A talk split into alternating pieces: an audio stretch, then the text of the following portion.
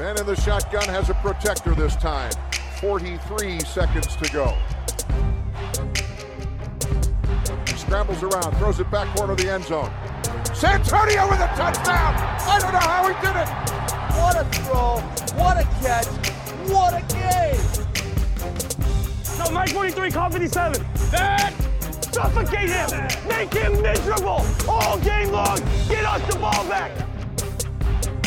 You could love him or hate him, but he was Brad. Hej och välkomna till veckans NFL med Mattias Olsson och Lasse Torman. Hur är läget Lasse? Uh, det är bra. Trodde du skulle säga något mer käckt innan du skulle sätta dig på poddkameran och säga hur läget var. Så jag hade inget bättre svar än uh, det är bra. Uh, ja, men, men, det är alltid. Li, alltid lika chockad. Ja, men det, det, är ju ganska bra så, så jag behöver inte krångla till det mer än så. Hur, hur är det själv? Ja, men det är bra. Ja. Jag tycker att det är bra faktiskt. Ja, var gott. Då har vi gått igenom vårat, uh, vårat sinnesmod här. Då kan vi, kan vi prata NFL.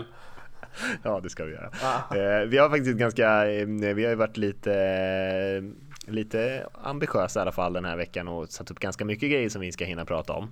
Så eh, vi ska ju som vanligt kika lite på vad som hände i helgen. Eh, men sen ska vi också göra ett litet djupdyk i, eh, vi hintade ju lite om det förra veckan och snacka lite Air Raid, det offensiva spelsystemet som har blivit så uh, uppsnackat. Det är många som pratar om det och uh, ja, eh, kanske många undrar vad det egentligen betyder och vad det är för någonting.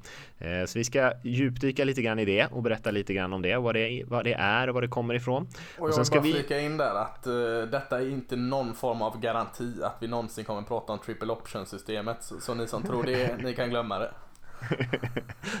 vi, tar, vi tar med ganska stora mellanrum mellan de här typerna av djupdyk. Men, yes. eh, nej, men det blir nog kul. Det känns mm. roligt att prata om något lite verkligen XS nördigt sådär. Och sen mm. ska vi eh, kolla på, vi har gjort också gjort en power ranking varsin och en gemensam i podden här som vi ska kika lite grann på.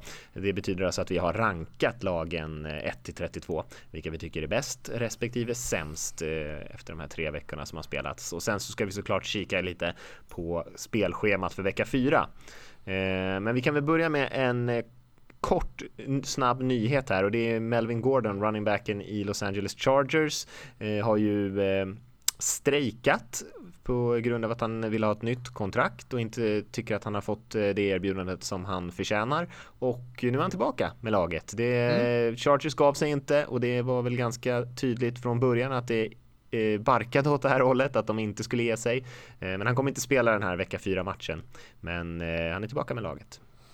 Ja, eh, läste precis innan vi satt oss och spelade in det så jag, jag har inte läst mer än, än rubriken. Men kul att få tillbaka en, en stark profil i NFL. Chargers kan behöva det vad det känns som. Även att kanske springspelet inte har varit deras största eh, plågoande så eh, ger det ju en ytterligare dimension i, i laget och, och det ser ju ut att behövas. Mm. Nej, jag håller med dig. Melvin Gordon har ju varit, när han har varit på planen, varit extremt produktiv för Chargers. En av de mest produktiva running backsen i hela ligan egentligen om man räknar in både hur han springer med bollen och fångar passningar. Så att mm. eh, någon typ av eh, eh, extra liten krydda kommer han säkert kunna ge det här laget, även fast som du säger, eh, hans, eh, de som har täckt upp för honom har gjort ett ganska bra jobb. Absolut. Vi, om vi ska kika lite på vecka tre och vad som händer där. Vi kommer väl inte göra något jättedyk. Som eh, ni vet så gör vi ju den här eh, söndagsreaktionspodden där eh, porrredaktionen snackar lite om vad som hände under söndagskvällen, den tidiga söndagskvällen i alla fall. Men vi kan väl ta en liten titt tillbaka. Är det något generellt som du tycker sticker ut från eh, den helgen och den, de matcherna som har varit? Det känns ju så länge sedan nu alltså. Det är mm. konstigt det där och, och när eh, reaktionspodden liksom krattar manegen åt oss så känner jag att jag inte behöver summera på samma sätt. Men, mm. men, eh, Giants eh, tog sin första vinst om än knappt eh, mot Tampa Bay borta. Eh, stack väl ut lite. Jag tycker att eh, bästa kuben James Winston eh, var överraskande. Jag tyckte han var riktigt, riktigt bra. Eh, sen kom ju all snack kring Daniel Jones såklart som också var väldigt bra. Eh, så, så, det var kul att se. Jag tyckte det, alltså det glömdes bort lite att James Winston var riktigt bra. ovanligt riskfritt spelade han. och sugigt slut för eh, Tampa Bay på klassiskt Tampa Bay backa ner stil med eh, göra en sån här eh, Drew Brees drive ner i sista där när eh, Daniel Jones springer väl in en QB där precis i slutet, mindre än minuten kvar och ger eh, Giants ledningen. Eh, that's it är det inte för att eh, Tampa spelar sig ner till Redzone väldigt snabbt och effektivt med några sekunder kvar. Har till och med tid att eh, ta en snap och röra sig sidleds och knä ner så att kicken ska få de absolut bästa förutsättningarna att sparka in den från sin favoritposition. Och gör inte det och Tampa Bay förlorar med 32-31. Så eh, en match med eh, mungipor upp och mungipor ner verkligen. Ja, verkligen. Det är en väldigt kul match, underhållande ja. på många sätt och kul att se Daniel Jones komma in. Men håller du med mig eh, James Winston såg riktigt bra ut? Ja men det tycker jag. Ja. Det tycker jag. Det var mycket saker i, Tampa Bay som såg mm. ganska bra ut tycker jag faktiskt. Eh, deras defensiva linje, springförsvaret med Ndamo Konsui där numera och Vita mm. Vea som stängde ner den ganska bra och så har de ju supersensationen får man ändå säga, Shaq Barrett ja, eh, på deras pass rusher som har åtta sacks på tre matcher här. Eh, och sen även Mike Evans som är en av mina favoritreceivers som hade tre touchdowns bara i första halvlek. Så det var väldigt mycket positivt och Bucks hade ju en stor ledning. Det var ju eh, Giants som gjorde en rasande spännande comeback där ändå får man ändå säga. De låg ju under med 18 poäng ett tag. Eh, och, och, då slarvar man ju bort den här matchen i Tampa Bay. Tyvärr. Så att eh, som du säger, en del positiva saker och en del saker som man kanske inte kan vara så nöjd med. Mm, får vi stanna med lite matchen lite till liksom. Om vi ändå ska liksom haka uppåt på en match. Så kändes det som att Tampa Bay Buccaneers hade ju gjort en jättefin gameplan, alltså en matchplan. Eh, som gick ut på i grund och botten att bevisa att Daniel Jones hur bra du är. För vi kommer stänga ner Saquon Barkley. Eh, vilket började jättebra. Sen blev Saquon Barkley, ah, Saquon Barkley skadad. Eh, tråkigt såklart. Men, och, och lite så att Buccaneers var väldigt tröga på liksom att eh, korrigera eh, sin, eh, sin, sin gameplan. Alltså man, man eh, spelade fortfarande, sålde ut väldigt mycket mot spring och eh, Daniel Jones kom in i allt mer och mer eh, och liksom vände detta till sin förmån. Så, så något som startade bra blev i slutet ganska slarvigt. Eh, för det var en väldigt fin skön match för Daniel Jones att få börja mot när Tampa Bay så mycket liksom sa att vi ska ta Saquon Barkley så får Daniel Jones liksom slå oss då.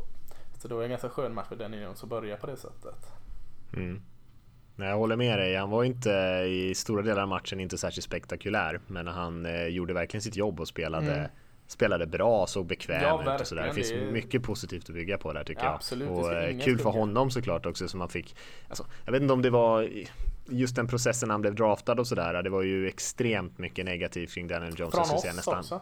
Ja, från oss också. Nästan, jag skulle säga nästan enbart negativt från hela NFL-världen. Eh, mycket på grund av positionen han draftades på. Men jag tror mm. att vi också eh, lyfte det när han när han draftades där att även fast det var alldeles, alldeles för tidigt för, för din och min smak mm. så att blir han bra, vilket ändå finns mycket positiva tecken, då spelar det kanske inte stor roll egentligen för en franchise-QB eh, kan ju nästan aldrig bli för dyr. Så Nej. att eh, vi får väl se. Men eh, skönt för honom säkert att tysta kritikerna lite grann. Ja, inte skönt för honom direkt efter match. Alltså, man märkte att eh, Giants offensiva linje var van att spela med Eli bakom sig som släpper bollen väldigt snabbt. Eh, Danny Jones släppte inte bollen lika snabbt. Han släppte den men han fick jäkligt mycket stryk av eh, mm. en bra Tampa Bay-linje. Men det är ju sånt som kommer liksom korrigeras allt eftersom när, när offensiva linjen och Danny Jones blir mer samspelta. Men, men eh, det märktes att eh, de är vana vid en, två, tre Mississippi och så sen är det klart. Danny Jones är mer än fem, sex, sju Mississippi eh, i QB kanske. ja, eh, vi ska inte som sagt inte djupdyka det här kanske men man, jag kan också bara tycka att vi ska nämna eh, Kyle Allen som hoppade in för Panthers i matchen mot Cardinals. Eh, kanske inte det tuffaste motståndet även fast det finns en hel del bra spelare i Arizona och det tyckte jag man såg i den här matchen. Det var eh, bland annat Chandler Jones som hade lekstuga där på sin, på sin sida av planen. Men eh, Kyle Allen som kommer in och ersätter Cam Newton på QB-positionen, kastar fyra touchdowns, ser extremt stabil ut också. Kanske inte hela tiden spektakulär, men ett par eh, viktiga spel och framförallt eh, inga misstag. Och eh, Panthers vinner ju i utklassningsstil där. Efter att ha mm. sett riktigt, riktigt tröga ut på anfallet så såg man helt plötsligt jäkligt pigga ut. Allting kommer ju säkert fortfarande eh, att kretsa kring Christian McCaffrey och det är inget konstigt med det för han har ju en riktig monstersäsong på G. Men, eh, men extremt positivt besked från Kyle Allen som kommer in som reserv där. Mm. Nej, men vi kan väl gotta ner oss lite i detta. Någon, någon tid får vi väl liksom snedvrida oss. Alltså, eh, Kalellen eh, tycker jag är intressant som du alltid säger där. Men, men lyfter ju diskussionen här liksom. Vad händer Kalellen eller Cam Newton? Det mm. eh, känns väldigt konstigt eh, att ta ut Kalellen här i denna for, form som han visar en match visserligen. Men det är också spännande. Det var ju sex nya quarterbacks så vi kan väl liksom spåra in i det eh, lite med eh, Teddy Bridgewater gick in och ersatte Drew Brees. Eh, vad, vad kände du om honom? Du såg honom mot ditt Seattle.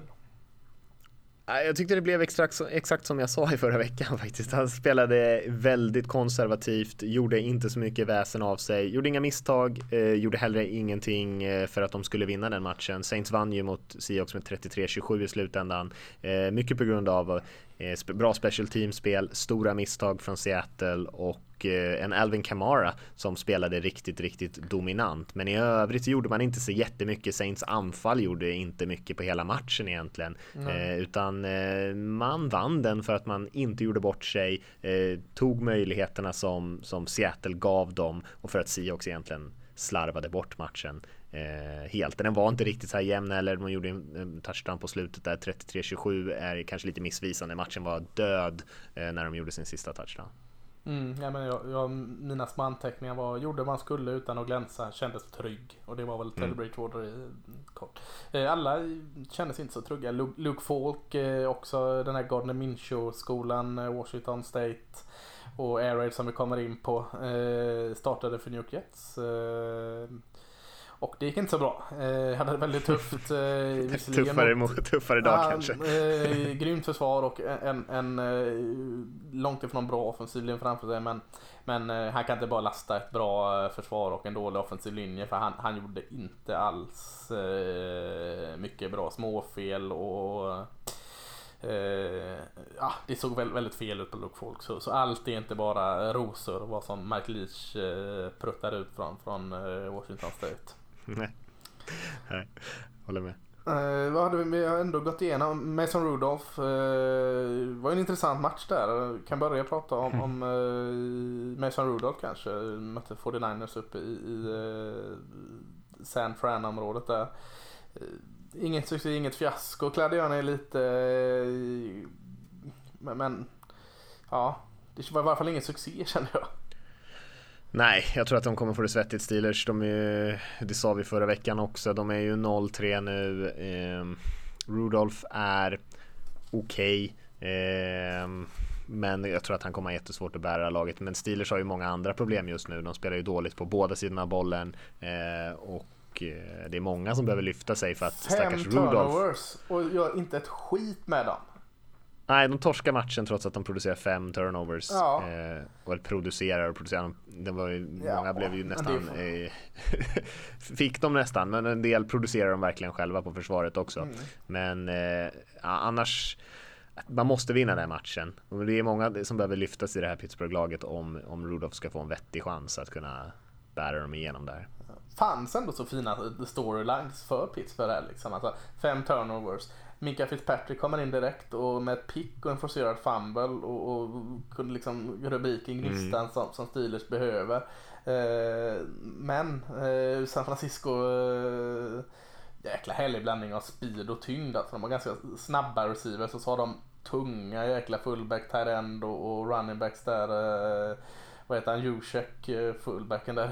Exakt, ja vilken highlight alltså. Ja, mm. Kul att se att de använder en fullback på det sättet fortfarande där uppe. Eh, så en, en, en, rolig kombination eh, i eh, 49ers offensiv tycker jag liksom vi kan liksom lyfta upp från den matchen.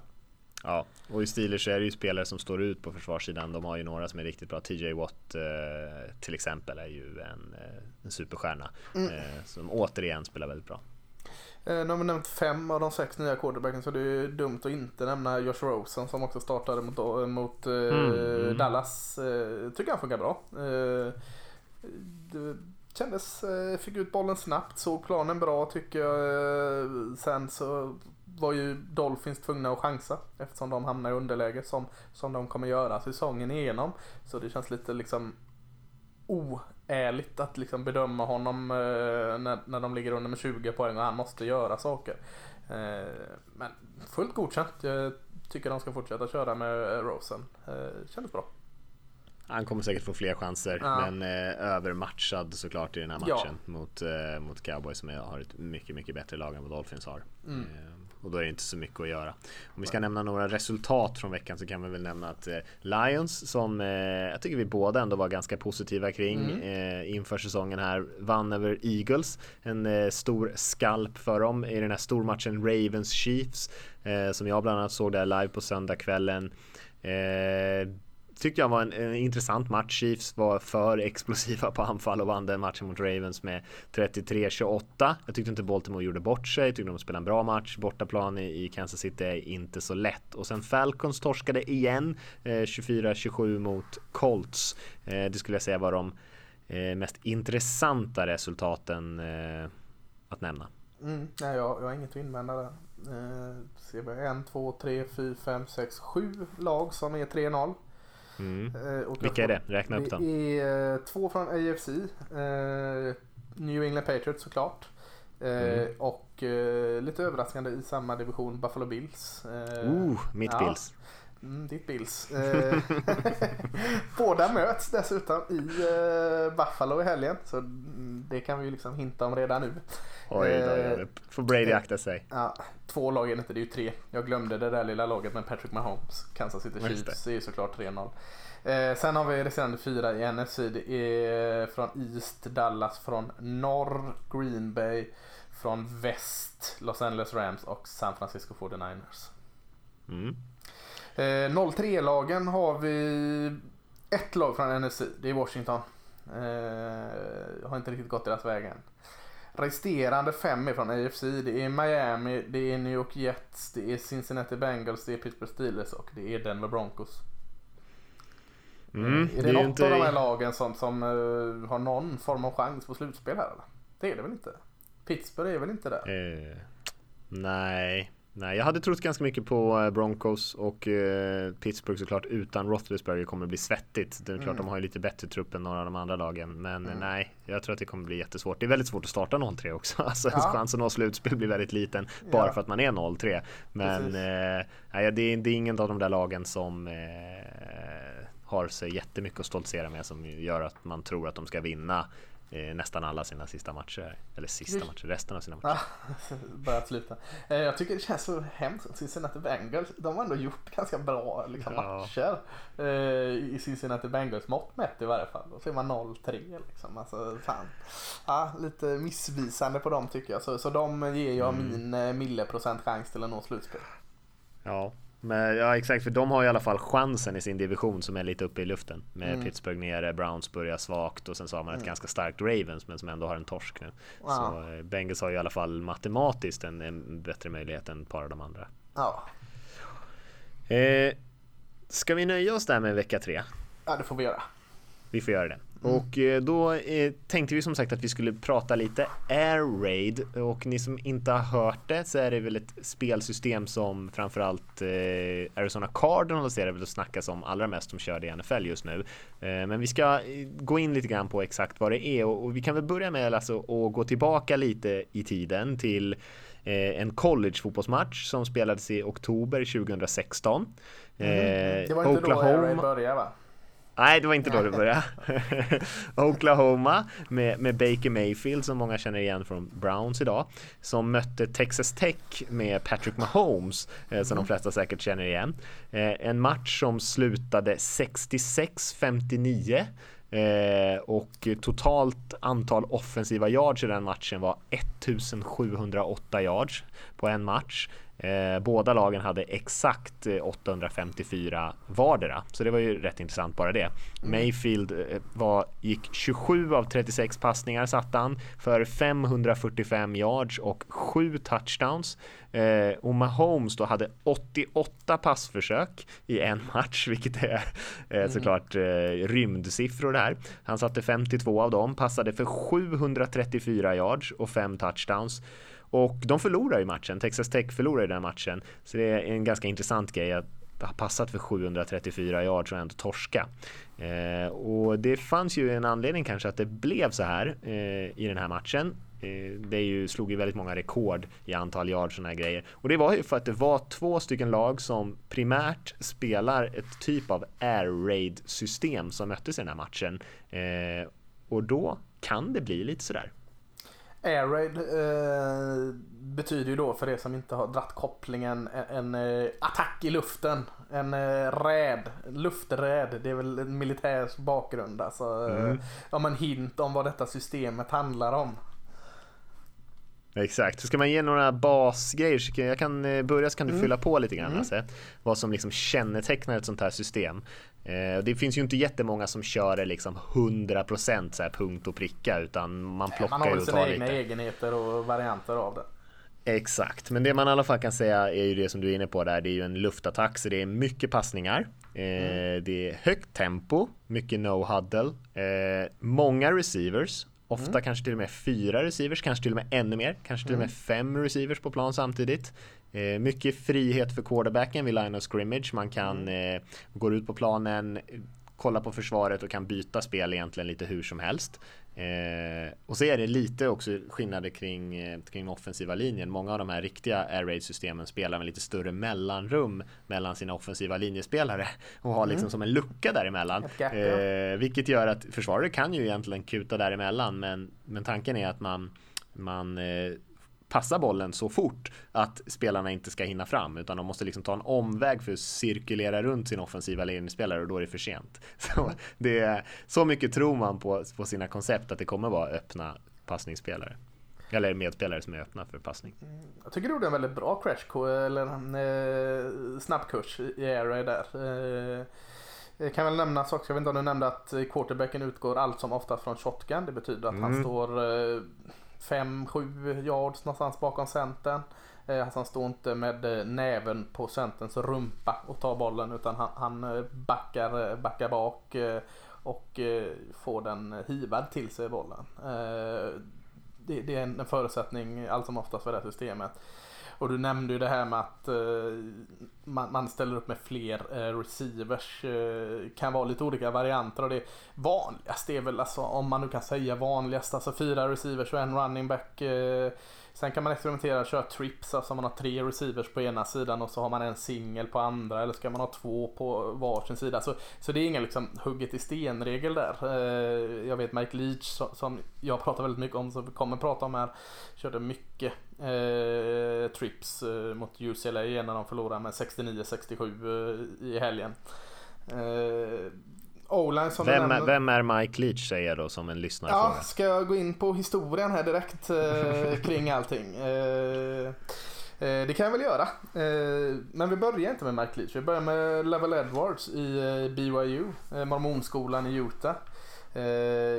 började under 70-talet med, jag vet inte om ni kommer ihåg, Jim McMahon, quarterback och, och Steve Young kommer ju många ihåg såklart. Eh, I den skolan och eh, Level Edwards började då köra mer än en eh, passorienterad och passbaserad på 70-talet var det ju än mer spring.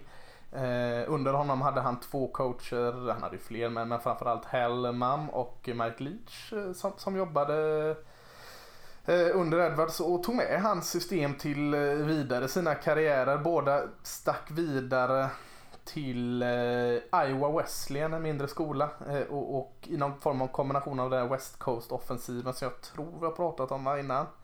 Eh, mm.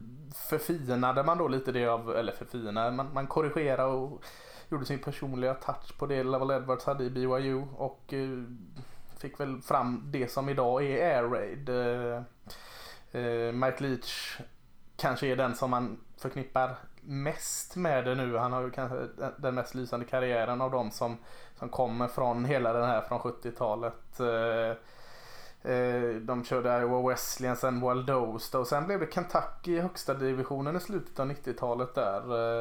Eh, Tim Couch, quarterback, jag tror han gick först i draften. Jag är inte helt säker på det men jag, han gick i första rundan i varje fall. Eh, och sen kom vi in lite mer modern tid, slutet av 90-talet, 2000-talet när Mark Leach eh, tog med det när han blev offensiv koordinator i Oklahoma. Eh, och eh, sedermera eh, huvudtränare i Texas Tech. Och, och, här någonstans började liksom det ordentligt ta fart och, och framförallt så har ju då Mike Leach samlat på sig en hel del assisterande tränare i sin tur som får nya jobb. Eh, Eh, som anammade Arid Art Briles som tränade Houston och Baylor, Sonny Dykes med Louisiana Tech och Cal där vi har eh, en viss quarterback i Rams under Sonny Dykes, Jared Goff. Eh, Dana Holgersson i West Virginia och Houston, det är Gino Smith och Will Greer där till exempel. Kevin Samlin med, med Johnny Mansell eh, och, och Kelly Murray då. Eh, Cliff Kingsbury som, som nu är i Arizona men han var ju quarterback under eh, Mike Leach i Texas Tech. Eh, och sedermera tränare i Texas Tech och där kom ju Baker Mayfield ifrån, där kom Patrick Mahomes ifrån och så är det ju nu en av de hetaste i college Lincoln Riley i Oklahoma, var wide receiver coach i Texas Tech och, och är nu i Oklahoma och då har vi ju Baker Mayfield och Kyler Murray som nu är i Arizona. Nu blir det väldigt många namn här och, och allt sådant men, men ni förstår hur det är. Det börjar någonstans i eh, bergen i Utah. Sen spreds det vidare med två tränare. En av dem var Mike Leach som, som drog med det till sina nya skolor. Och från Mark Leach-trädet, i de här coach-träden som man pratar om hela tiden, så kom det en hel drös av nya före detta spelare för detta, och så spreds det ut och så har vi ju alltså de här, vi har Jared Goff, vi har Gino Smith, vi har Will Greer, vi har Johnny Mansell, vi har Kelly Murray, vi har Baker Mayfield, vi har Patrick Mahomes och vi har uh, allt detta liksom. Så, så de kommer ju från, från den, det trädet alltså, eh, uh, Level Edwards-trädet som kanske mest idag är Mike Leach då som är den största eh, coachen som, som eh, flaggar för det nu. Mm. Ja, det finns ju fler NFL-kubis där som du inte nämnde. Gardner Minshew, Mason mm. Rudolph pratade vi om tidigare. Case Keenum som slog mängder av rekord när ja. han var i college. Eh, ja, men en grej man kan säga om det är också att traditionellt så har man ju fnyst lite åt spelare som har kommit från de här systemen mm. för att de sätter upp sjuka siffror. Eh, det behöver inte vara, man behöver inte alltid ha den, den största liksom, eh, man behöver inte vara den, den mest proffsredo quarterbacken för att göra hyfsat ifrån sig. Men det har ju verkligen förändrats på senare år när vi har sett typ Kyler Murray, eh, Baker Mayfield, Patrick Mahomes, hur bra det har gått för dem. Jared Goff också, så tre av de här spelarna som har gått nummer ett i draften eh, har ju varit från den här typen av system och så har det inte varit traditionellt utan man har ju pratat om pro-style system och såna här grejer, eh, mm. vilket idag känns nästan lite fånigt eftersom NFL är så inspirerat av college. Verkligen och jag har inte, nu, nu är jag långt ifrån fullärd kring positionen quarterback eh, ska jag lägga till. Men jag tycker alltid att det har varit, jag har alltid, inte fnyst men jag tyckte det varit halva sanningen då om man säger så. När man säger att eh, man, man liksom viftar dem under bordet på grund av att de kommer kring air raid systemet. För, för man glömmer då samtidigt alla liksom starka egenskaper som krävs från en quarterback för att liksom kunna eh, inte bara hantera air systemet För det är ett tacksamt system, absolut. Men för att kunna liksom dominera air systemet eh, som de här i NFL har gjort. Alltså att eh, frihet för quarterback nämnde du lite här i det här systemet och att eh, det är mycket frihet för quarterbacken. Han får eh, springa ut till line of scrimmage, det är ofta no huddle, mycket tempo. Han får läsa på line of scrimmage vad han ser. Eh, alltså jag skulle säga, om, om vi säger vad, vad, kan det vara i procent passbaserat här? 65-75 procent eh, säkerligen. Eh, jag skulle säga att det är ännu högre för att han kommer ut och läser på line of scrimmage och, och de springspelen man får i, i air systemet det är ofta någonting quarterbacken läser. På. Jag säger inte att det alltid är det, det är så mycket eh, eh, vad ska man säga, egenarter av det här systemet så att man ska inte ta gift på något av detta men, men väldigt ofta är det att quarterbacken går ut och läser något på Land of Scrimmage, har med sig någon form av passspel ut i, i, eh, till Land of Scrimmage. Sen läser han och så kallar han ett springspel. Så att eh, större delen av springspelen, inte större delen men betydligt stor del av springspelen är att eh, quarterbacken läser försvaret och eh, gör en audible, ändrar till ett springspel. Eh, jättefin egenskap att kunna läsa försvaret. Eh, det här med snabbt tempo, no huddle. Eh, visst, det är tacksamt. Försvaret blir trött, missar sina assignments och sina markeringar. Eh, men det krävs också mycket av quarterbacken att kunna manövrera ett snabbt. Liksom. Se till att alla är uppställda rätt, se till att få ut spelen snabbt, se till att eh, hitta sin spelare. Så att jag tycker liksom att eh, när man sopar dem under mattan så glömmer man de här fina egenskaperna som, som eh, en air QB måste ha för att, att dominera eh, stilen. Mm. Jag tycker det är ofta när man ser den här typen av system som går liksom till extremen på något sätt. För att mm. alla, som du säger, alla passar ju inte bollen 75% Nej, av gångerna. Nej, det är dumt att ta en procent. Men, men eh, jag drog något, jag har ändå en 10 marginal, 65-75%. Ja, exakt, nej men jag menar inte att du har fel, men jag bara Nej. menar att då, ofta den typen av skolor som gör det, då, det är ofta den typen av skolor som inte kan attrahera sådär äh, de allra bästa high school prospectsen och sånt där. Mm. Men när det kommer ändå en stor skola som jag skulle säga att Oklahoma är, ja. eh, och du har ju mycket bättre koll än mig, men när de sätter det här ganska eh, passglada offensiva systemet i kombination med att de också kan rekrytera rätt eh, imponerande atleter. Då blir det ju väldigt svårt tycker jag. Jag tycker att det är svårt att utvärdera Baker Mayfield. Jag var ett stort fan av honom i collegefotbollen, men det är mm. svårt att utvärdera honom för med Oklahoma och det här systemet så är det ibland spelare som springer och de är fria med liksom 10-15 yards till närmaste försvarare. Eh, och den passningen är ju liksom oftast inte speciellt svår att lägga. Eh, men det finns ju andra saker. Man måste ju hitta den spelaren, man måste hitta den luckan, man måste kasta bollen kanske innan, försvar, innan spelaren kommer in i den zonen, till exempel den typen av grejer. Mm. Men, det, men ibland så kan det se Eh, extremt enkelt ut eh, för de här quarterbacksen. Kanske särskilt i de skolorna som har lite bättre spelarmaterial också. Absolut är det så. Och då tänker man så här, vem fan vill spela running back i ett air raid system? Jag hade velat göra det. Alltså, det är ganska bra det också. Ja, tänk här liksom äh, när du ska äh, liksom försvara dig mot ett air raid. Vad är det du försvarar då? Jo, du försvarar ju passspelet såklart. Det hade ju varit oh, äh, självmord att gå ut och inte försvara passspelet mot air raid. Och då är det ju fantastiskt att få springa mot ett försvar som försvarar mestadels för pass. Så, så kolla på om vi stannar upp i Oklahoma här. Nu, nu ska inte jag rabbla spelare men, men jag tror vi kan gå bak fem drafter och du hittar Oklahoma running backs som eh, går högt, högt, högt i draften.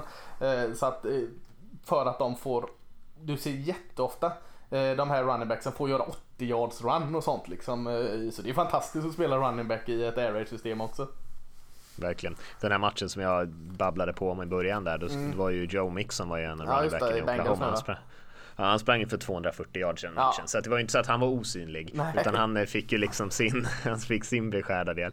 Och man ska, eh, innan vi går in lite grann på NFL och, och jag tänker ändå nämna lite mm. eh, hur det kan se ut där. Så men vi kan nämna kanske lite, nörda ner oss lite grann i var, hur det skulle kunna se ut i, i ett air raid system. För jag vet att eh, Eh, många lag har ju fortfarande snott många av de koncepten som, som finns i Air Raid även fast eh, man inte helt har liksom accepterat systemet. Mm. Och eh, en av de grejerna som vi ser väldigt mycket i NFL just nu är ju den så kallade mesh-konceptet mm. Eh, som kanske många känner till. Man har egentligen två receivers som, som eh, står på varsin sida av sin offensiva linje och sen så möter de varandra i mitten av planen kan man säga. Och tanken är att de ska springa så tight in på varandra att eh, de nästan kan nudda varandra och då blir det jättesvårt för försvararna att följa med och det skapar en, en sån här naturlig rub route som man säger mm. i NFL. Att, eh, att eh, försvararna egentligen krockar med varandra eller inte vet var de ska ta vägen riktigt grann och skapar liksom en sån eh, saxeffekt där i mitten ja. av plan.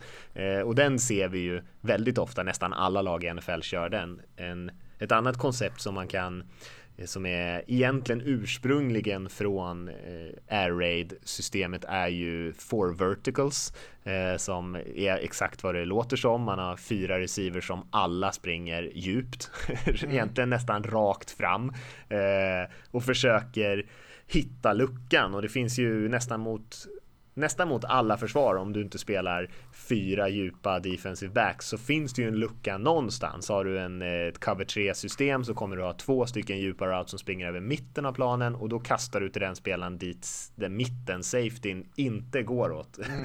Eh, så det, det, är också ett, system, en, ett spel som egentligen alla använder i NFL mm. idag. Så att det finns och även shallow cross, alla de här eh, eh där de här spelarna korsar eh, planen horisontellt på en ganska låg eh, lågt djup, korta mm. passningar där man springer horisontellt. Det är också ex, verkligen från det här air raid systemet och riktiga grejer som man spelar extremt ofta i de systemen. För det gäller att få ut passningarna snabbt, det gäller att skapa stora luckor, få bollen i händerna på sina playmakers och eh, kommer de i full fart mitt över plan. Det är jättesvårt för försvararna att följa i horisontellt. Mm, för det du säger där, eh, få ut bollen snabbt. För du var inne på det här med att offensiva linjen ofta står med, med bredare splits än eh, vad man vanligtvis gör. Alltså man står eh, left tackens högerfot och left gardens vänsterfot är bredare från varandra än vad de vanligtvis är. Mm. Ibland kan det vara uppåt en yard om det, jag har sett det i extrema fall. Liksom. Alltså att de gör linjen mycket längre. Eh, och naturligtvis som du också säger blir det ju jättestora hål uppe i mitten när blitzar i för, eh, för eh, defensiva linjen. Eh, men samtidigt så vänder det på det. Det är väldigt svårt att komma runt en så mycket bredare linje. Så du får inte samma hot eh, på utsidan. Eh, dessutom så ser ju quarterbacken, alltså om blitzarna kommer rakt framifrån honom och han ska släppa bollen snabbt så ser ju han dem på ett betydligt bättre sätt än de kommer mm. på mot hans blindsida. Eh, och det finns ännu mer grejer liksom att göra det att eh, ställer offensiva linjen ser ut så bred, ja då måste ju defensiva linjen också blir bredare. Det är ju naturligt. Och blir offensiva linjen, eller defensiva linjen bredare så är det inte den här täta klungan upp med händer framför du vet som försöker täcka pass. Då finns det tydliga hål för quarterbacken liksom att hitta på de här shallow crossen, liksom slänga ut de här korta passen snabbt i mitten. För de liksom vad ska man säga, de, de tänjer ut defensiva linjen. De gör det inte till ett staket framför utan det är ett väldigt ihåligt staket med de här händerna som är uppe. Så, så det är så mycket tankar och, och bakom alla de här grejerna. Liksom, ja, de står lite bredare isär. Eh, varför då? Jo, det finns massa anledningar till det och det finns säkerligen 10-15 anledningar till som inte jag tänker på eller vet om. Nej, och för springspelet så blir det också en stor fördel ja. såklart.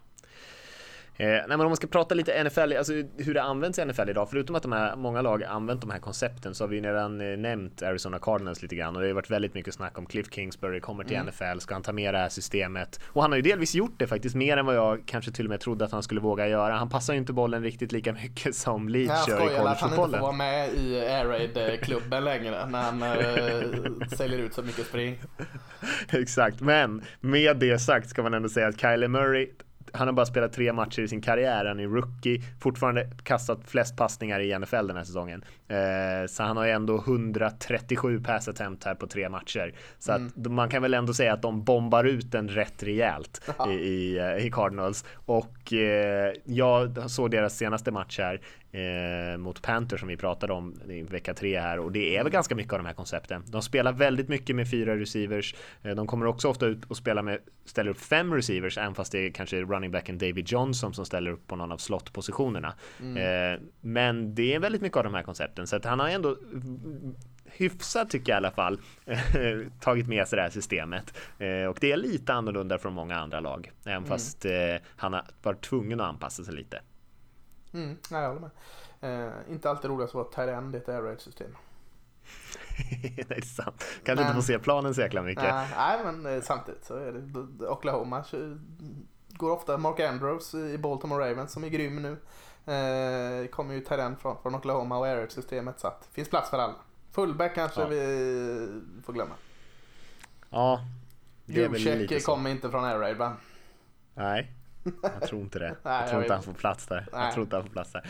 Uh, nej men uh, vi kanske knyter upp den säcken lite grann men det kan man väl säga i alla fall att det, det kommer nog bli mer av den här uh, varianten av spel i NFL också. Vi ser ju att det ökar varje år andelen passningsspel och då behöver man nya passningskoncept och många av de där idéerna som du gick igenom där Lasse som är anledningen till att Air Raid fungerar. Mm. Det är ju sånt som såklart man måste tänka på även i NFL när man ska sätta ihop ett spelsystem att eh, ja, men det är klart att om man passar bollen väldigt mycket då kommer man ge försvaret väldigt många chanser att attackera en quarterback också. Så hur, hur kontrar man då, då? Ja, men då får man ju försöka kasta de här korta passningarna, ut med bollen fort mm. eh, och då kommer det bara bli mer och mer av det här tror jag.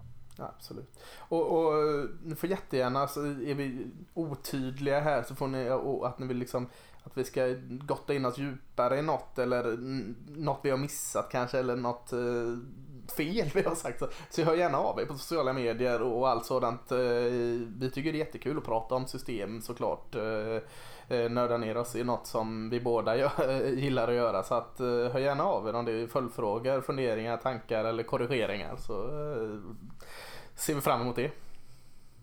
Yes.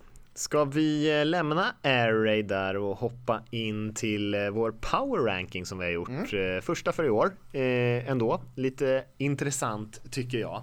Och eh, det vi har gjort är som vi sa i början där rankat alla lag i NFL och det är kanske roligast att börja från toppen. Vi har ju gjort varsin och sen har vi dessutom slagit ihop det till en gemensam. Så att vi är inte helt överens, men vi är ganska överens skulle jag säga. Vi är definitivt överens om topp två Lasse, där eh, båda vi hade New England Patriots som det högst rankade laget i NFL just nu och Kansas City Chiefs som det näst högst rankade.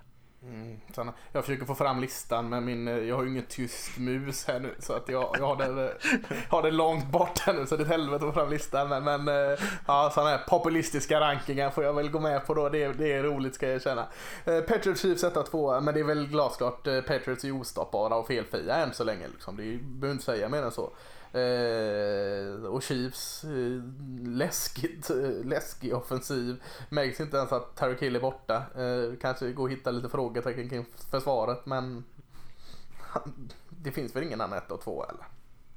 Jag tycker inte det. Jag tycker Nej. det är ganska såklart. Det var inte svårt. Eh, utmaningen kommer, eh, ja det blir svårare och svårare kanske ju längre ner man kommer på listan, men det här kändes ändå ganska lätt. Mm. Eh, våra nästa tre lag där kan jag säga i alla fall är, är på vår gemensamma ranking är Los Angeles Rams nummer tre, Dallas Cowboys nummer fyra, Green Bay Packers nummer fem och det hade vi inte riktigt likadant. Jag hade Rams något steg ner och Cowboys något steg upp. Eh, men ändå ganska överens där. Jag tror att vi hade de här fem lagen i toppen hade vi alla i, i topp fem. Eller både du och jag topp fem. Ja, jag eh, blygade lite med cowboys och satte dem som, som eh, bakom både Rams och eh, Packers. Tycker de har lite lätt spelschema än så länge för att tokhylla dem. Rams, eh, vilka var tre gemensamt? Det var Rams va? Yes. Känns inte hundra liksom, men, eh, i sina vinster. Men, men eh, man gör jobbet på båda sidor och eh, liksom, det känns aldrig liksom, det är lite som Patriots Delight här. Alltså att disciplinerat och relativt felfritt ändå. Konstigt, jag är inte klok riktigt hur de använder Todd Gurley bara, men, men det, det blir vi väl vise om så småningom. Ja, känns som att Rams är ett sånt där lag som många har en bitter eftersmak efter Super Bowl kvar i munnen och eh, har liksom glömt bort vad de gjorde resten av fjolårssäsongen. Mm. Så att liksom, de är inte riktigt med här uppe i snacket trots att de spelade Super Bowl och dessutom spelade en extremt jämn Super Bowl med, med Patriots. Det, det känns ibland så när man tänker tillbaka på det eller man ser hur diskussionerna går på sociala medier så känns det mm. som att Patriots skulle ha utklassat Rams i den här Super Bowlen medan Patriots hade gjort tre poäng på de tre första kvartarna mot det här Rams-försvaret och var mm. dominerade. Eh, sitt an, eh, anfallet i Patriots var ju dominerade av Rams. Så eh, de har ju ett extremt bra lag. De hade det i fjol och de har det fortfarande eh, och är definitivt en utmanare till att vinna Super Bowl i år. Ja, ja, ja. Men som du säger, de har inte eh, riktigt gått igång på alla cylindrar. Men det är ju en styrka att ändå vinna matcherna då. Mm. Fjärde rankade Cowboys har inte heller riktigt gått igång på alla cylindrar. Men eh, offensiven är på alla cylindrar och ett par lånade cylindrar. Eh, ja, nya unge offensivkoordinatorn, eh, backup-QB till Dak Prescott innan. Eh, Kellen Moore eh, har fått allt att funka direkt. Eh, fantastiskt roligt att spela anfallsfotboll i Cowboys. Eh, defensiven, eh, jag vet inte om den överpresterade förra året eller om den underpresterade i år. Men den ser ändå inte riktigt eh, där utan. Nej. Eh, jag håller med dig och Green Bay Packers kan man ju säga samma sak om egentligen. Eh, fast här med cylindrar. ja, fast tvärtom ja, men med mm. cylindrarna. Det är försvaret som bär det här laget hittills mm. i år och anfallet som, jag var väldigt tuff mot deras eh, skillspelare och vad man har för offensiva verktyg där. Kan man väl vara fortfarande lite eller? det tycker jag man fortfarande kan vara ja. ja. Är, jag tycker vi ser en del från Valdes Scantling som är positivt, mm. men man är fortfarande inte tillräckligt konsekventa och man vinner ju egentligen på bra försvarsspel och stora spel i anfallet och Eh, ska man vara med och utmana om titlarna då tror jag att man måste spela betydligt bättre på anfallet. Jag tror att det är möjligt däremot. Jag tror att man mm. kan vara Aaron betydligt bättre. Aaron inte riktigt vaknat helt heller än. Så att, eh, vänta bara. Mm. Vad har vi, vi hoppar till Ja, 6 till 10 kan vi ta här lite snabbt då. Då har Ja. vi eh, Baltimore Ravens nummer 6, Minnesota Vikings nummer 7, Houston Texans nummer 8, San Francisco 49ers nummer 9 och New Orleans Saints nummer 10. Och här har däremot har det varit ganska rejäla skillnader mellan dig och mig. Jag hade både 49ers och Saints lägre ner än dig. Ehm, ja, det är framförallt det som sticker ut. Ja, okej, men jag fick ändå med den där uppe. Blir det så när man Mm, slår ja. upp? Ja. Jag tror det var, vä- det var väldigt jämnt här i den här. Ja, okej, okej. Eh, Men vi var ganska lika på eh, Ravens, Vikings, Texans i varje fall. De eh, trissen först där. Ravens ser ju bra ut fortfarande. Alltså ingen skam i den förlusten mot Chiefs. Man gjorde det till en bra match. Eh, Vikings, eh, mm, QB, QB-situationen. Mm. Men, men eh, alla andra sitter ju där. Texans också. Det, ju, Just det, det glömde jag säga. finns ju, det, är- det är ju precis som... Det ser eh, bra ut. Det, ja, jo, det ser bra ut, men det, är, du hänger väldigt mycket på ett fåtal väldigt, väldigt bra spelare. Eh, Mm. Och det var ingen hemlighet. Jag tror vi var inne på det när vi skrev tidningen och vi har pratat om det några gånger att eh, ehm, Kanske inte alltid så stabilt. Får man några skador på fel spelare så, så kan det kanske kosta mycket. Men eh, det har varit en eh, riktig injektion av energi med Laramie Tunsil som kommer in på left tackle och, och har eh, lyft den positionen ganska rejält för Texans än så länge den här säsongen. Eh, men det är fortfarande mycket stryk på, på Watson. Eh, Men han är ju eh, fantastisk. Men vi pratar inte så mycket om Deshaun Watson, vilket är synd tycker jag. Eh, många andra QBs som får mer uppmärksamhet än vad de förtjänar och eh, Watson får alltid mindre än vad han förtjänar tycker jag. En av de eh, bästa quarterbacksen i NFL, särskilt om man pratar om de unga spelarna. Är du inte såld på Watson? Du blir ju översåld på honom. Det är mer det. Ja, men han är bra. Normalsåld är jag på. Men du är ju jättesåld på Mike Shannon. Du säger att han är den bästa offensiva gurun någonsin i hela världen. Eh, Kyle möjligtvis. Ja, förlåt. Det är Mike Shannon. Jag inte... Kyle Shannon, förlåt. Det är ett ärligt misstag ändå, säger hans pappa. Ja, tycker ja, jag. ja. Det- det är eh, lätt Kyle hänt. Shannon. Eh, Det är inte direkt att jag kallar en en QB, så att eh, jag kommer undan med detta.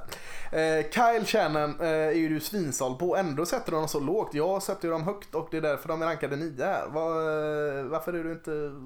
Varför dissar du 49ers?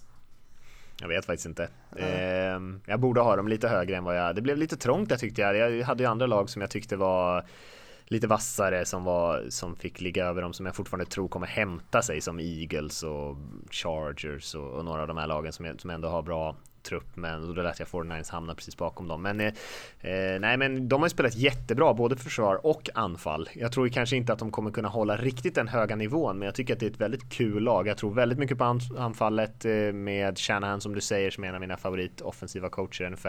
Eh, men eh, mm, mm. Ja, det är väl någonstans här mellan 9 och 15 som jag håller dem. Så att de är väl på gränslandet till en slutspelsplats för mig. Ja, Saints är det inte heller. Sean Payton är ytterligare en fin eh, offensiv eh, kille. Eh, Rankade nio här, eller tio är de rankade. Ja, jag är hade det, dem är det mitt, Drew Brees som gör någonstans. att du är lite rädd för att eh, hålla dem högt eller? Ja, men exakt. Jag, jag tog ändå nuläget tänkte jag. Ja. Så att men det är klart, när Drew Brees är tillbaka skulle jag haft dem mycket, mycket högre. Ja. Men eh, jag tror inte att Teddy kan lyfta det här laget. Eh, och jag tyckte inte att de var speciellt imponerande mot Seahawks senast, även fast de vann. Eh, så att ja, de är ett mittenlag utan Mhm. Brees, tycker Mm. jag. Ja, vad, vad hade vi så? Har vi gått igenom eh, 11 och ner eller? Ja, nej 11 och ner blir det nu ja. Så då har vi Seahawks på 11, Chicago Bears på 12, Bills på 13, Eagles på 14 och Browns på 15. Konstig ranking. Konstig. Har jag varit med och gjort denna? Mm, jag har Bears lite högre än Ja, dig. Seahawks Det är det är som med där alltså. De köper jag. De kunde vara, det, jag klumpar hellre upp Seahawks med de vi just nämnde än de eh, under de här. Eh, Seahawks har sett bra ut eh, och sett dåliga ut på, på det de, man kanske väntar sig att de såg dåliga ut på, eller? Ja, nej visst, de är ju inte något jättebra lag. Jag tror också de kommer vara där i, i gränslandet och kanske Mm. sniffa på en slutspelsplats. Men Och, och Bears sen eh, vaknar ju till någon form av offensiv lusta och glädje senast mot Washington. Eh, men annars är det ju Chicago Bears defensiv som gör att de eh, ligger på över halva. Ja, men är ju, den är ju så pass bra att mm. det kanske räcker. Anfallet eh, är ju inte bra, spelat alldeles för dåligt eh, och den här Redskins-matchen, eh, ja, de möter inget bra lag där. Så att jag ger dem inte så mycket cred för det, men försvaret har ju verkligen imponerat så att, eh, igen. Så att det är väl det, därför de ändå placerar sig hyfsat högt. Mm. Eh, 13 Buffalo Bills. Jag rankar Buffalo Bills högre än dig. Vad är detta? Det var konstigt. Ja, vad, mm. vad, ja. det är ju ditt Bills 3-0.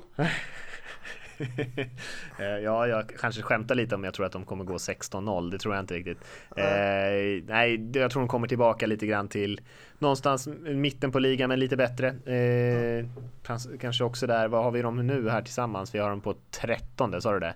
Eh, det känns inte helt det känns inte helt orimligt. Jag tror att jag hade dem faktiskt på trettonde och du hade dem till och med lite bättre. Du hade dem på mm. tionde. Mm. Ja. Eh. Ja. Eh, Eagles eh, rankar vi som nummer 14, Philadelphia. Eh, du, har du är fortsatt hög på Eagles. Jag är lite lägre på dem. Eh, har inte sett bra ut i, i uh, Eagles, många delar av som skulle se bra ut. Nej, de har haft lite skador, lite ja. på nyckelpositioner som har saktat ner dem lite. Jag tror att de eh, kommer hämta sig och spela bättre helt ja, enkelt. Du har ju någon som Super Bowl-vinnare så att uh, du får ju hoppas på Har jag?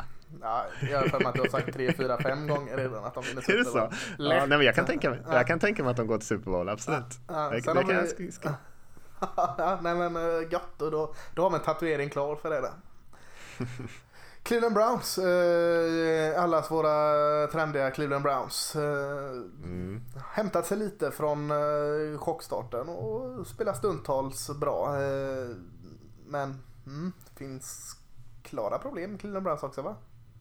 Ja, precis som eh, man hade kanske väntat sig att det skulle vara lite så, men man hade nog trott att de skulle kunna spela lite bättre. Anfallet är den stora, stora besvikelsen. Försvaret har ju spelat bättre än väntat skulle jag säga och anfallet betydligt sämre än väntat. Eh, och där har vi ju eh, Många saker kan man, man kan diskutera där och Freddie Kitchens får väl vara på uh, en riktig hot seat ändå. Om man skulle ranka vilka coacher som har störst chans att bli av med jobbet så skulle jag sätta Freddie Kitchens nummer ett just nu i ligan. Trots att han är inne på sitt första. Ja, jag ja. tror det. det man, man anställde en, en, en intern rekrytering egentligen på en coach som har väldigt lite erfarenhet och än så länge så eh, har de inte på något sätt övertygat och eh, hans anfall måste spela mycket, mycket bättre tror jag om, om han ska ha kvar jobbet och Brown ska kunna göra någonting av den här säsongen. Men jag tror ändå de kan vända det hyfsat. Jag hade dem lite högre än vad vi gemensamt hade dem här, men, mm. eh, men det duger inte den nivån de har hållit. Nej. Eh, vad har vi med 15 och ner? Ja, som vi Chargers, Lions, Colts, Falcons, Jaguars till exempel. Ja, det är ändå bra lag där, trodde vi innan säsongen. Chargers eh, en av mina eh, stora besvikelser hittills. Jag vet att eh, mm. Rickard som har varit med oss en del hintade om det att Chargers är nog fasken inte så bra. Och eh, än så länge så är jag, jag är helt med honom där. Det, det har jag inte sett. Försvaret är jag lite besviken på det. Mm. Jag håller med dig. Pass mm. rushen, Bosa och allting. Eh, försöka komma igång lite grann och börja dominera matcher. Mm. Och så Sen har vi Lions där. Ja, vänder lite har, på det. Ja. Ja, som du sa, vi har väl inte riktigt eh, sågat Lions. Alltså, vi har varit lite smyghintat eh, om att det finns gottigheter i, i Detroit Lions. Jag har, kan inte riktigt försvara varför jag har någon form av tro kring Matt Patricia. Eh, men eh, ja, jag är smygimponerad av dem. Eh, gneta på. Eh, kan Stafford få uh, lite ro och jobba så uh, ja. Jag vet inte vad jag ska mm. sätta dem men jag gillar mycket. Jag tror att eh, vår ranking här sammanfattar ganska mycket om Lions. Alltså, jag, vi var inne på att de har en bra trupp, men mm. kanske inte liksom en e-, elittrupp så. Och trots att de ändå ligger här någonstans i mitten på ligan mm. i vår mm. ranking så är de ändå rankade sist i sin egen division. Mm. Om man nu bara skulle jo. ta ut alla NFC North-lag. Och det är väl det som är den största utmaningen. Man har ganska många duktiga lag mm. eh, att konkurrera om slutspelsplatserna med. Absolut. Colts har vi sen. Eh, utan Andrew Luck har det väl sett eh, hur har det sett ut? Ganska bra. Inte Ja. lika kul men ganska bra. Nej. Alltså de är ju också samma sak som Lions där. Bra lag. Men Ja. hur, hur långt räcker det? Kan man slå de riktigt bra lagen? Vem vet? Man slog Falcons här senast som eh, jag trodde skulle vara ett av de bättre lagen i år. Men Mm. som inte har varit det. Så det är svårt att säga hur mycket den vinsten är värd. Falcons är ju rankade precis efter Colts här. Mm. Eh, så att Colts stabilt, inte så sexigt kanske utan luck. Falcons spelar ju bra på anfallet tycker jag i perioder i alla fall. Men, men försvaret som man ändå hade hoppats skulle kunna lyfta sig har inte gjort det. Och nu fick man dessutom en skada på Keanu O'Neill, eh, safety, Igen, som va? kommer att mm, ja, missa hela säsongen. Eh, så eh, det behöver ju Dan Quinn där, headcoachen i Falcons, se till att det där försvaret lyfter sig lite grann. Jag säger att Dan Quinn är eh, på det hetaste sättet i NFL just nu. Mm. Ja, han är ju Eh, absolut med där. Ja, Jaguars eh, rankade som nummer 20. Trots Gordon Minshew-grejen här. Eh, mm, hela den här Jalen Ramsey-grejen gör ju att eh, de faller lite på min lista. Hur, hur är det ställt i Jaguars? Hur, hur är eh, vinnarskallarna där egentligen? Calais Campbell var ju eh, magisk senast. Eh, var det senast? Eller var det två veckor sedan? Mm. Han, Nej, det eh, var senast. Ja, eh, var helt gudomligt bra. Så att, lite på uppgång kanske på Jacksonville Jaguars. Men det är ett så stort kanske så jag vågar inte riktigt sätta dem eh, högre än så här.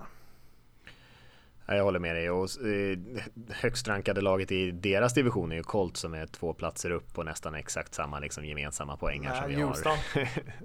ja just det, Houston är över, just det, de glömde jag bort. Ja nej men titta, men då blir det ju lite svettigare för dem. Ja. Jag tänkte annars att de har ju en chans i den divisionen där ingen riktigt har stuckit iväg än så länge. Men Texans har ju faktiskt eh, spelat ganska bra. Men eh, AFC i allmänhet är ju lite svagare än NFC. Så det finns ju en chans. Man måste ju inte vara ett lag som är topp 10 på den här rankingen för att ha en god chans på slutspel. Jag tycker Jaguars har ändå en hel del positivt och jag tror att de har en chans att, att utmana, utmana om en wildcard-plats. Men eh, det betyder inte att de är liksom imponerande över hela brädet direkt.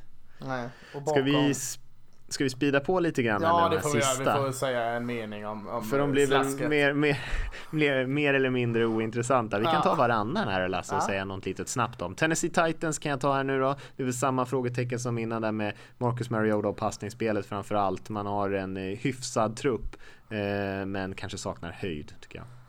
Tampa Bay Buccaneers eh, har spännande ingredienser, kom från en bra match men eh, det är inte riktigt ordning i, i Tampa än. Eh, det kommer ta mer tid för Bruce Arians här. Carolina Panthers kommer efter det. Jag tror att de har lite potential att klättra på den här listan. Eh, särskilt om Kyle Allen fortsätter leverera och Cam Newton kan bli frisk. För med McCaffrey och en ganska imponerande defensiv linje där så har man en del att gilla. Men också en del luckor såklart. Pittsburgh Steelers utan alla tre ben, Brown, Bell och, och Ben, så är det ju försvaret som eh, på pappret ska vara bra. De måste bli betydligt bättre. De kan inte bara glimta till utan eh, de måste bära laget nu helt plötsligt. Mm. Bengals kommer efter det. Hintade du lite grann om att eh, kanske också kan vara ett sånt där lag som har en liten, liten, liten mikrochans att göra någonting av den här säsongen. Men det ser mörkt ut och eh, det finns inget riktigt i den truppen som inspirerar en tycker jag. Nej.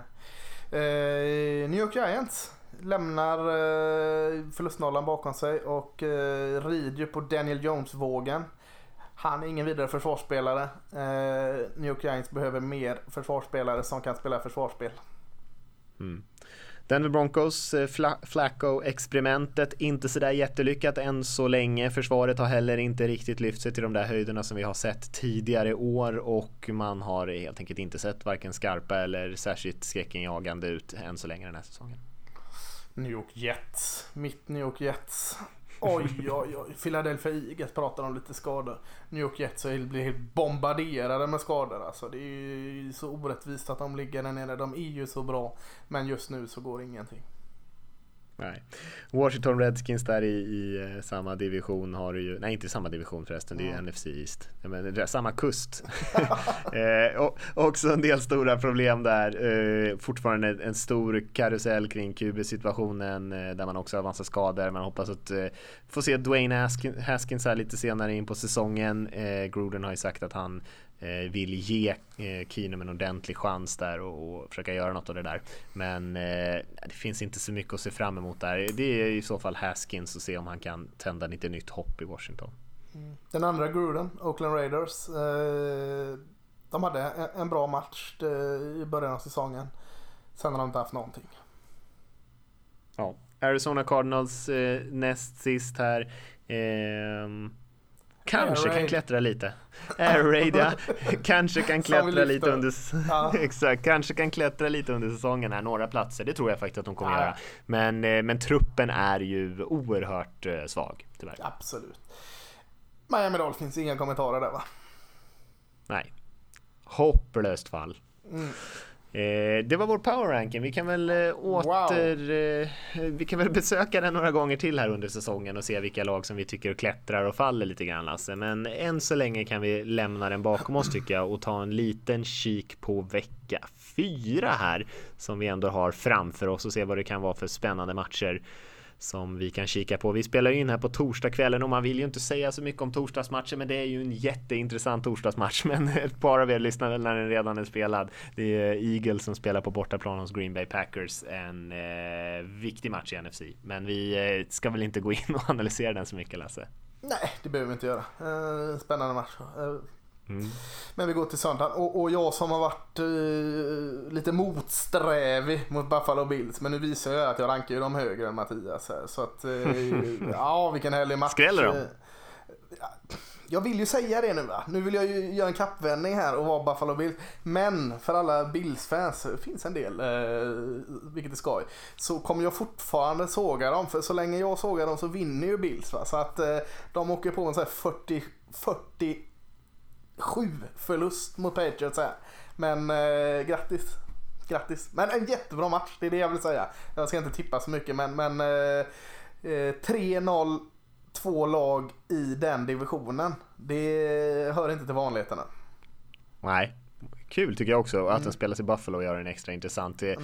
Eh, man kan ju se att det här bildsförsvaret kan stänga ner Patriots anfall lite grann. Det är i alla fall det man får hoppas på. Men eh, Josh Allen där som har lite, lite problem med sina turnovers och sånt där fortfarande. Jag inte kan alltid inte tycka om Josh Allen alltså, jag försöker.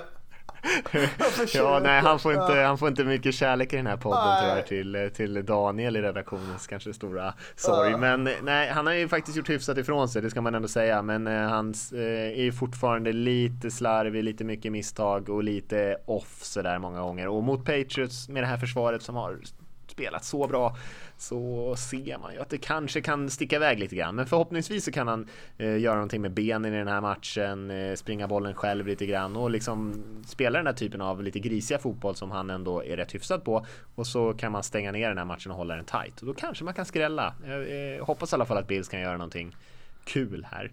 Vi har ju också ett stormöte Lasse, vi är 19 där i, i AFC North. En där Browns möter Ravens i Baltimore. En tuff match såklart för Cleveland. Eh, men också viktig såklart att försöka hänga på Ravens i, i toppen på den här divisionen. Eh, eller i toppen, Browns är ju inte eh, än så länge gjort sig förtjänt av att vara med i någon divisionstopp. Men eh, Baltimore på hemmaplan får ju ses som ganska stora favoriter trots att Eh, det här hypade Browns-laget kommer till stan. Man, eh, men Ravens har ju spelat klart bättre den här säsongen. Springspelet mot Chiefs ja, var ju tack. något i hästväg. Jag satt och kollade på någon ja, drive där när de sprang. Vi pratar så mycket om Lamar Jackson här, men Mark Ingram, oj, oj, oj, oj, oj vad god han är. Ja, och Gus Edwards också ja, som är liksom bakom honom där. De sprang ju för jag, jag skrev det i vår lilla redaktionschatt där, men alltså det var ju så här 10 yards, 14 yards, 12 yards, 15 yards per liksom springspel bara efter varandra och man bara vad händer? Liksom, de bara springer rätt igenom Chiefs försvar. Så det blir den stora utmaningen tror jag för Cleveland att sakta ner eh, springspelet. För det tycker jag ändå fortfarande är styrkan i Ravens även om Lamar Jackson har spelat bra.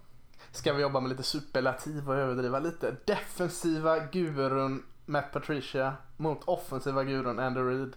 Jag var lite skev den. Eh, lite skev den Men jag, jag vill liksom dramatisera in det lite här nu. Vi måste göra Lions sexiga på något sätt. Eh, mm. och, och, det börjar med den skäggiga eh, defensiva gurun som han är nu här. Han får vara det. Med Patricia. Eh, Detroit Lions eh, som, som inte har förlorat än. De är två vinster, ett kryss. Mot eh, Chiefs som kanske inte fullt så överraskande inte heller har förlorat än. Eh, Chiefs är ju favorit, jag skulle säga att de är stor favorit. Men, men eh, tycker den ändå är värd att nämnas matchen.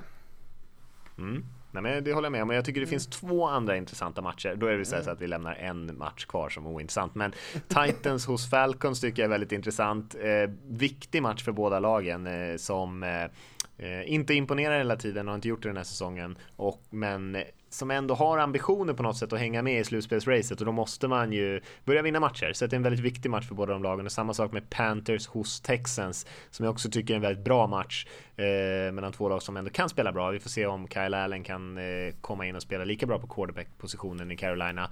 Eh, men eh, också en viktig match.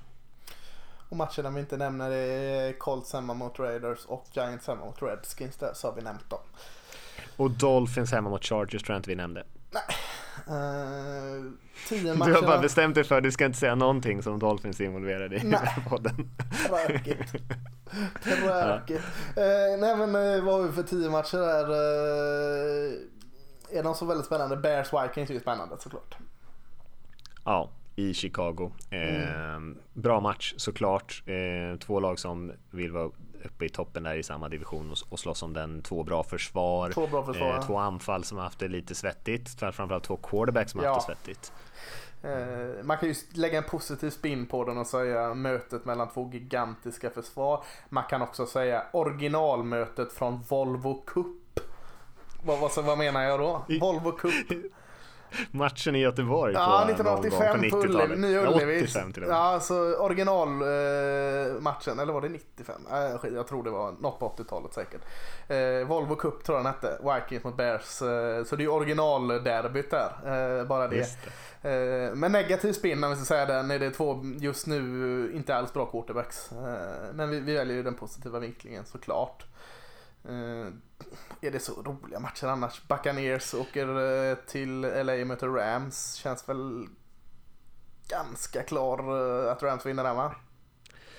Det tycker jag i och för sig, men det kan säkert bli kul ändå. Buccaneers känns ändå som ett lag som kan slänga upp rätt mycket poäng eh, och en del turnovers, men ändå hålla matcherna lite intressanta. jag tycker det finns många roliga spelare i Tampa Bay. Jag kan liksom inte komma ifrån ah, det. det. Vi pratade om tidigare O.J. Howard och Mike Evans och Chris Godwin på anfallet tillsammans med Winston som är lite tokig och bombar loss och mm. en del spännande spelare. Du nämnde Shaq Barrett där med sina åtta sacks i försvaret. Så det finns mycket intressant i Buccaneers. Sen är Rams kanske ett bättre bygge, men eh, jag tror kanske att det kan bli lite kul ganska mycket poäng i alla fall. De andra två matcherna är rätt trista som du nämnde. Eh, Vad sa du? Eh, en Danga Su tillbaka och möter... Eh, mm. eh, han är väl i Buccaneers nu väl? Jag blandade ja, upp den här, hans alla nu. Men han hade varit i Reds. Så tillbaka och stångas där han har hoppat runt lite här de senaste mm. åren och har väl gett sig fan på att han ska liksom maximera sin, eh, sin intäkt. På Tröjsamling väljer vi. Vi tar fortsatt positiv spin. du är väldigt positiv idag. Vi har två andra matcher där som vi inte har nämnt. Seahawks eh, spelar i Arizona mot Cardinals och sen har vi Jaguar som spelar i Denver mot Broncos innan vi kommer till nattmatcherna. Och där har vi Cowboys på bortaplan mot New Orleans Saints. En match som kanske hade varit veckans match skulle jag säga om Drew Brees hade spelat. Nu känns den inte riktigt lika sexy, men fortfarande komma till New Orleans. En ganska tuff bortamatch. Mm. De har många duktiga spelare i Saints. Eh, Cowboys ska ju ta den här matchen, eh, men det är nog inte bara att ställa in skorna ändå. Nej det är det inte. Och, och, som jag sa, Cowboys försvar har haft väldiga problem och, och de, de, har ju någon sån här, kallar sig Hot Boys, DeMarcus Lawrence och defensiva linjen, att de ska vara the shit. Det har de inte alls varit än. De har haft väldigt svårt. Nu kom Robert Quinn tillbaka här från sin två, match, eller två matchers avstängning och eh, bjöd på en sack direkt, visserligen mot Dolphins. Men han såg väldigt spelsugen ut och, och en spelsugen Robert Quinn kan ju kanske väcka försvaret lite. Ja, eh, ska Cowboys vinna i Superdome gjorde man väl förra året också visserligen. Eller det kanske var hemma var det ju såklart. Men, men eh, så är det väl nu man ska göra det. Mm. Jag håller med, det finns inte så jättemycket att säga där, men det är två lag som ändå kommer vara med i slutet här på säsongen känns som. Ja. Utmana eh, kanske då med sin QB tillbaka i Saints där som han har. Jag Drew Brees väntar sig ju att han ska hinna tillbaka innan den här eh, uppskattade rehabiliteringstiden är över så att han ska liksom vara lite snabbare än så. Så får vi se hur hans eh, 40 vad det nu är kropp, åriga kroppen eh, säger om det. Men, mm. Eh, sen har vi Bengals hos Steelers där på eh, Monday Night Football. Kanske också en match som har tappat lite stjärnglans. Bengals som sagt inte ett av de kanske sexare lagen den här säsongen i alla fall. Och sen Steelers då med Mason Rudolph istället för Big Ben. Ja, en haltande Monday Night Football match. Och sista lilla livet för de som vinner matchen är det väl då. Mm. Jets och det var det Lasse. Ja, just det. Exakt. Vilka sa du? 49ers och? Jets. Mm. Eh, det kan Jets behöva i alla fall. Ja. Vi ska ta och runda av Lasse. Jag kan säga det att vi skickade ut, eller jag skickade ut en, en länk på sociala medier där man kunde skicka in frågor genom att spela in ett röstmeddelande egentligen. Det var väldigt dålig respons på det faktiskt måste jag säga. Så det, eh, vi eh, väntar med det till eh, någon vecka till och se om det är någon som känner sig sugen på det. Det tycker jag man kan kolla in ändå. Ja, vi har skickat in det ut. Ja, vi skickar ut de länkarna på Facebook och på Twitter och, om man har eh, möjlighet. Eh, och annars är det ju bara att gå in på vårt, eh, vår podcast på Anchor så hittar man dem, den möjligheten att göra det där. Det känns som en ganska rolig grej ändå att eh, spela in ett sånt så kan vi ta med och spela upp eran eh, röst då när ni ställer er fråga här i podcasten och så svarar vi på den. Det känns som ett, ett sätt där vi bara försöker få er som lyssnar att vara kanske ännu mer en del av podcasten än, än när man bara skickar in en fråga skriven. Utan få höra, få höra lite andra röster. Eh, Men nu slipper de väl höra våra röster eh, en vecka till va? För vi, vi stämplar ut och gör allt sånt va? Det gör vi. Så eh, tack för att ni har lyssnat allihopa så hörs vi igen om en vecka. Det gör vi. Ha det bra.